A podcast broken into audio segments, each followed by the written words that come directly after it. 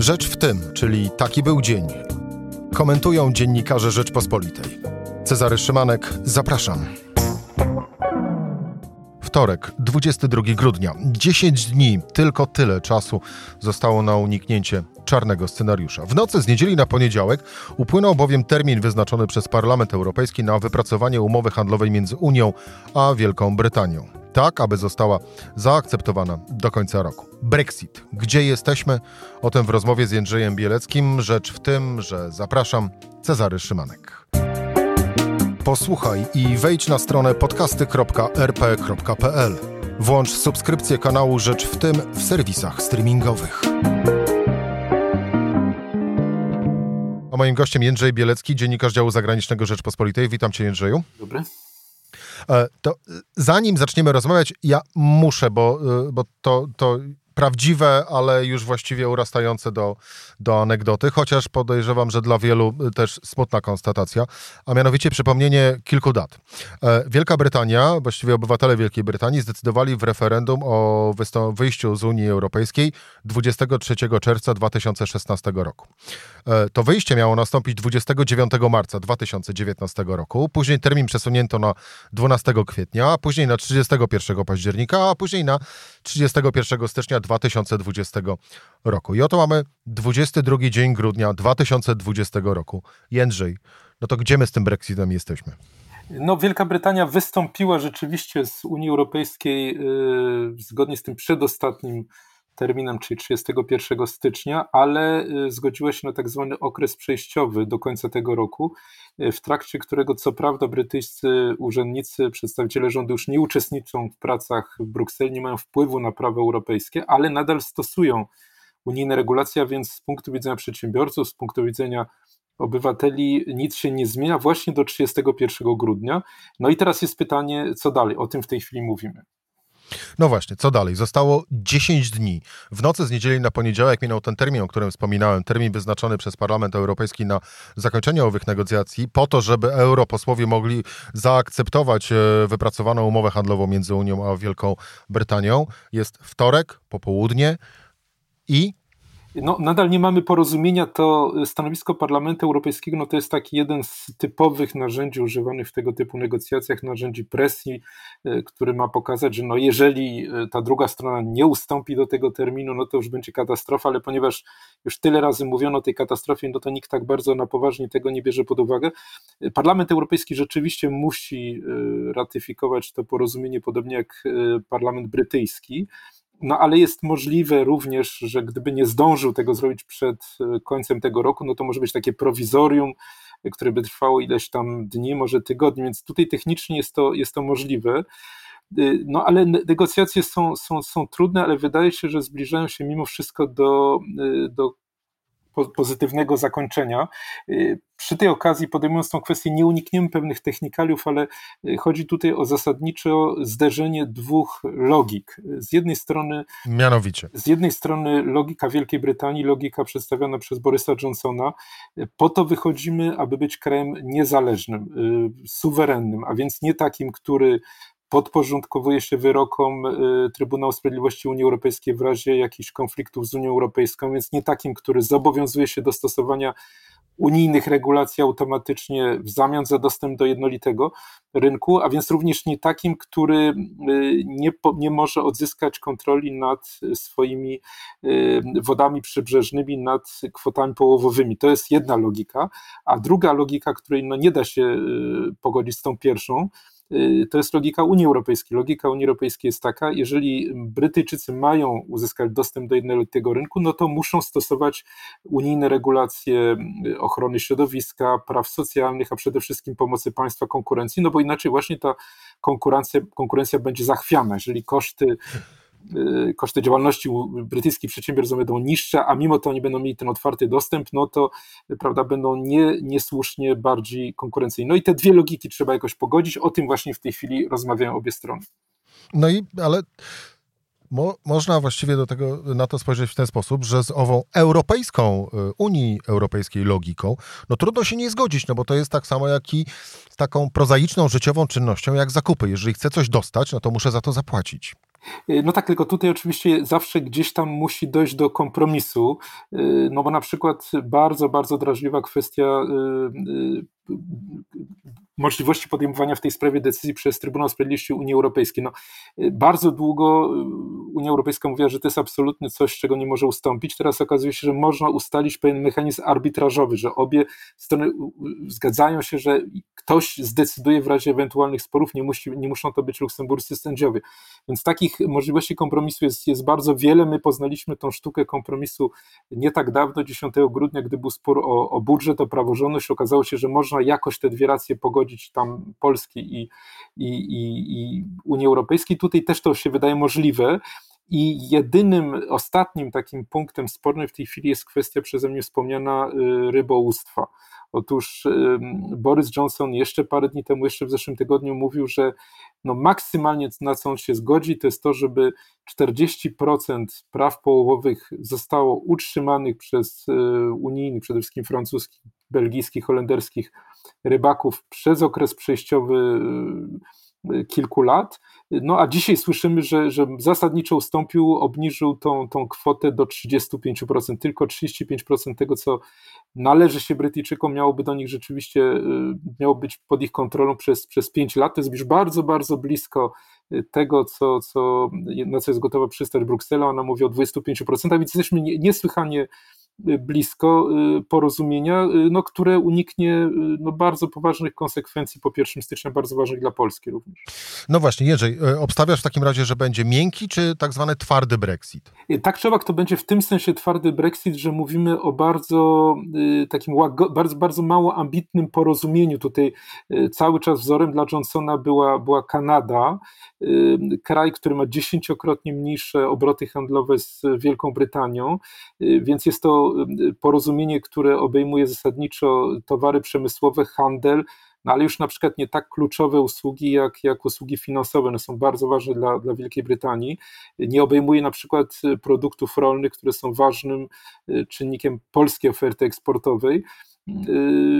Y, jest pytanie w zawieszeniu dotyczące usług transportowych, również kluczowych dla Polski, więc to jest porozumienie no, bardzo mało ambitne. Przecież przechodzimy od statusu, w którym Wielka Brytania była członkiem Unii Europejskiej, integralną częścią jednolitego rynku, do układu, który ma Kanada, no, kraj odległy o tysiące kilometrów, który dla, dla Unii Europejskiej partnerem ważnym nie jest, więc y, no, zapobiegamy załamaniu kompletnie y, współpracy, na przykład wstrzymaniu lotów między y, lotniskami Unii Europejskiej, Europejskiej a Wielką Brytanią, no ale to na pewno nie jest, nie jest y, to, co byłoby idealne na przykład dla Polski.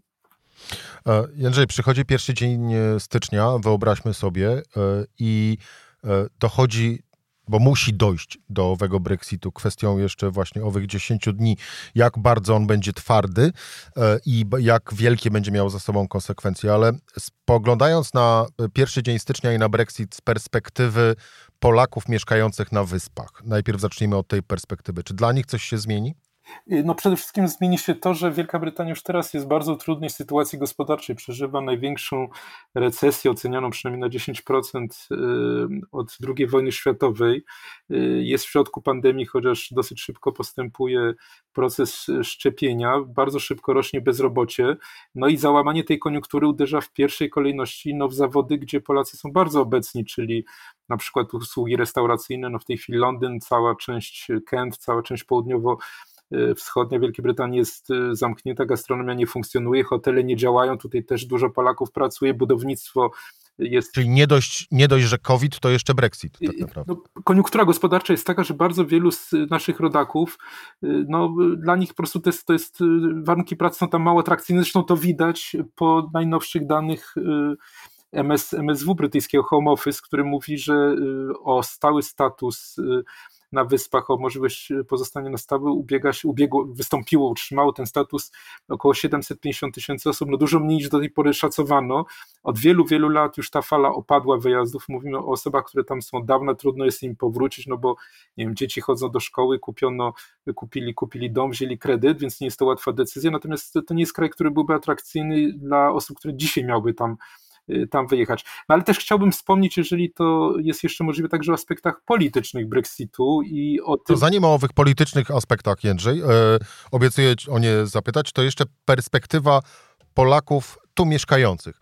E, no bo właściwie co, trzeba będzie się przeprosić z paszportem e, jadąc do e, Londynu. Znaczy paszport i tak musieliśmy mieć, bo przypomnę, że Wielka Brytania nie należała do Schengen, natomiast no, na pewno skończy, skończy się od 1 stycznia możliwość wyjechania, nawet gdyby ktoś chciał, na pobyt stały, dlatego że tutaj zostali zrównani w statusie ci, którzy przyjeżdżają z krajów Unii Europejskiej i z pozostałych krajów świata, z Commonwealthu, z Indii, z Pakistanu i tak dalej. Y, trzeba mieć uprzednio y, podpisany kontrakt y, na pracę przynajmniej 25 tysięcy funtów rocznie, więc całkiem już nieźle opłacaną. Więc w zasadzie ten, ta, to, ta możliwość się zamyka, no ale wielki problem, chyba znacznie ważniejszy, to jest problem dla studentów. Otóż w tej chwili ci, którzy rozpoczynali, którzy rozpoczęli we wrześniu naukę na brytyjskich uniwersytetach, to jest duża grupa Polaków, oni byli ostatnim rocznikiem, który korzystał z unijnych y, warunków. Mieli takie same warunki jak Brytyjczycy. To było stosunkowo niewysokie koszty i y, koszty, które były uwzględnione przez bardzo, bardzo korzystny y, kredyt, czyli to, to była absolutnie nauka na najlepszych uniwersytetach, jeśli ktoś się dostał dostępna dla Polaków. W tej chwili to się kończy natychmiast od przyszłego roku, dlatego że przechodzimy na system, gdzie, gdzie te opłaty są wielo, wielokrotnie wyższe i nieobjęte kredytem, no takie, które muszą ponosić, przez lata musieli ponosić ci, którzy przyjeżdżali z Chin, czy Indii, czy innych krajów świata, więc to jest wielka, wielka szansa, która się zamyka dla polskich, polskiej młodzieży. I wróćmy teraz do owych politycznych konsekwencji e, Brexitu na arenie międzynarodowej. E, zrobię do tego wstęp. Czy oczekiwać e, referendum w Szkocji o odłączeniu od Wielkiej Brytanii? Ja myślę, że to będzie ten czynnik, który spowoduje, że Boris Johnson przyjdzie do historii jako jeden z, jedna z najbardziej tragicznych postaci e, w dziejach Wielkiej Brytanii, dlatego że e, no tam za, w Szkocji jest zasadnicza zmiana nastrojów. W referendum, które było w 2014 roku, 55% Szkotów głosowało za pozostaniem w Zjednoczonym Królestwie. W tej chwili 58% chce wyjść z Wielkiej Brytanii i mówię o nie o jednym sondażu, już to już jest 15 sondaży, które coś takiego pokazują. Oczywiście powodem jest to, że, że Szkoci w referendum w 2016 roku w czerwcu masowo głosowali za pozostaniem w Unii, zostali przegłosowani przez Anglików, nie akceptują tego. W dodatku y, rządzi w Edynburgu Szkocja, Szkocka Partia Narodowa, która jest partią lewicową, nie akceptuje y, takiej twardej linii konserwatywnej reprezentowanej przez przez Borysa Johnsona.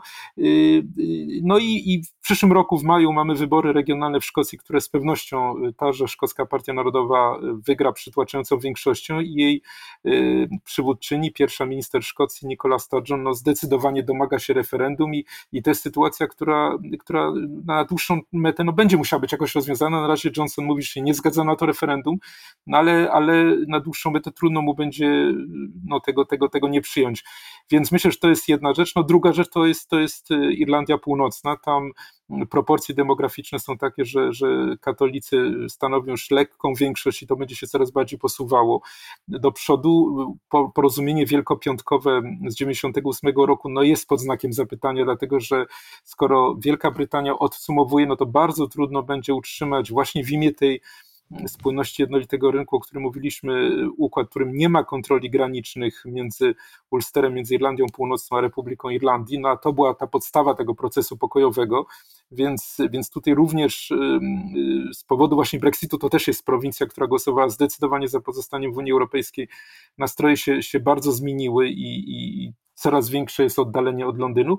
No i wreszcie Gibraltar. Gibraltar, bo to jest wiadomość e, dzisiejsza, podał ją, ją El País, hiszpański dziennik, mianowicie e, dochodzi do porozumienia między Hiszpanią a, a Londynem, w myśl którego Gibraltar który też w przytłaczającej większości był przeciwko Brexitowi, y, przystępuje do strefy Schengen, przystępuje od 1 stycznia do strefy Schengen i Hiszpania, ale także Polacy, którzy będą chcieli wjechać na to terytorium, y, nie będą kontrolowani, y, nie będą musieli otwierać paszportów, natomiast Brytyjczycy, którzy przylecą z Londynu, owszem, będą musieli podlegać takim kontrolom i co gorsza, te z perspektywy Londynu, te kontrole będą przeprowadzali funkcjonariusze Unijnej Agencji Kontroli Granic Frontexu pod nadzorem Hiszpanów. Y, no to wynika z tego, że Hiszpania bierze odpowiedzialność za to, kto będzie tutaj przylatywał, no ale z punktu widzenia suwerenności narodowej i symboli, no to jest, to jest ogromny sukces rządu y, Pedro Sancheza w Madrycie. Y, przypomnę, że, że Hiszpanie uważają, że Gibraltar, który, który stracili na mocy układu z Utrechtu, który kończył wojnę o sukcesję hiszpańską 307 lat temu, y, że to, y, y, to jest nadal kolonia. Hiszpanie uważają, że to jest kolonia, że to powinno, że to, że to powinno wrócić do, do, do macierzy, jak mówią, tak samo jak się wyzwoliła z więzi z Londynu, z Londynem Kenia, czy, czy Indie, czy, czy, czy RPA. W związku z tym no, to jest ogromny sukces i kolejny koszt polityczny Brexitu, który ciąży na sumieniu Borysa Johnsona. Zapewne jeszcze nie ostatni, no bo tak jak wspomnieliśmy, zostało 10 dni do e, punktu e, zero, e, po którym już tylko i wyłącznie e, Brexit. E, Jędrzej Bielecki, dziennikarz działu zagranicznego Rzeczpospolitej, bardzo dziękuję Ci za rozmowę. Dziękuję. To była rzecz w tym we wtorek. Cezary Szymanek, do usłyszenia jutro o tej samej porze.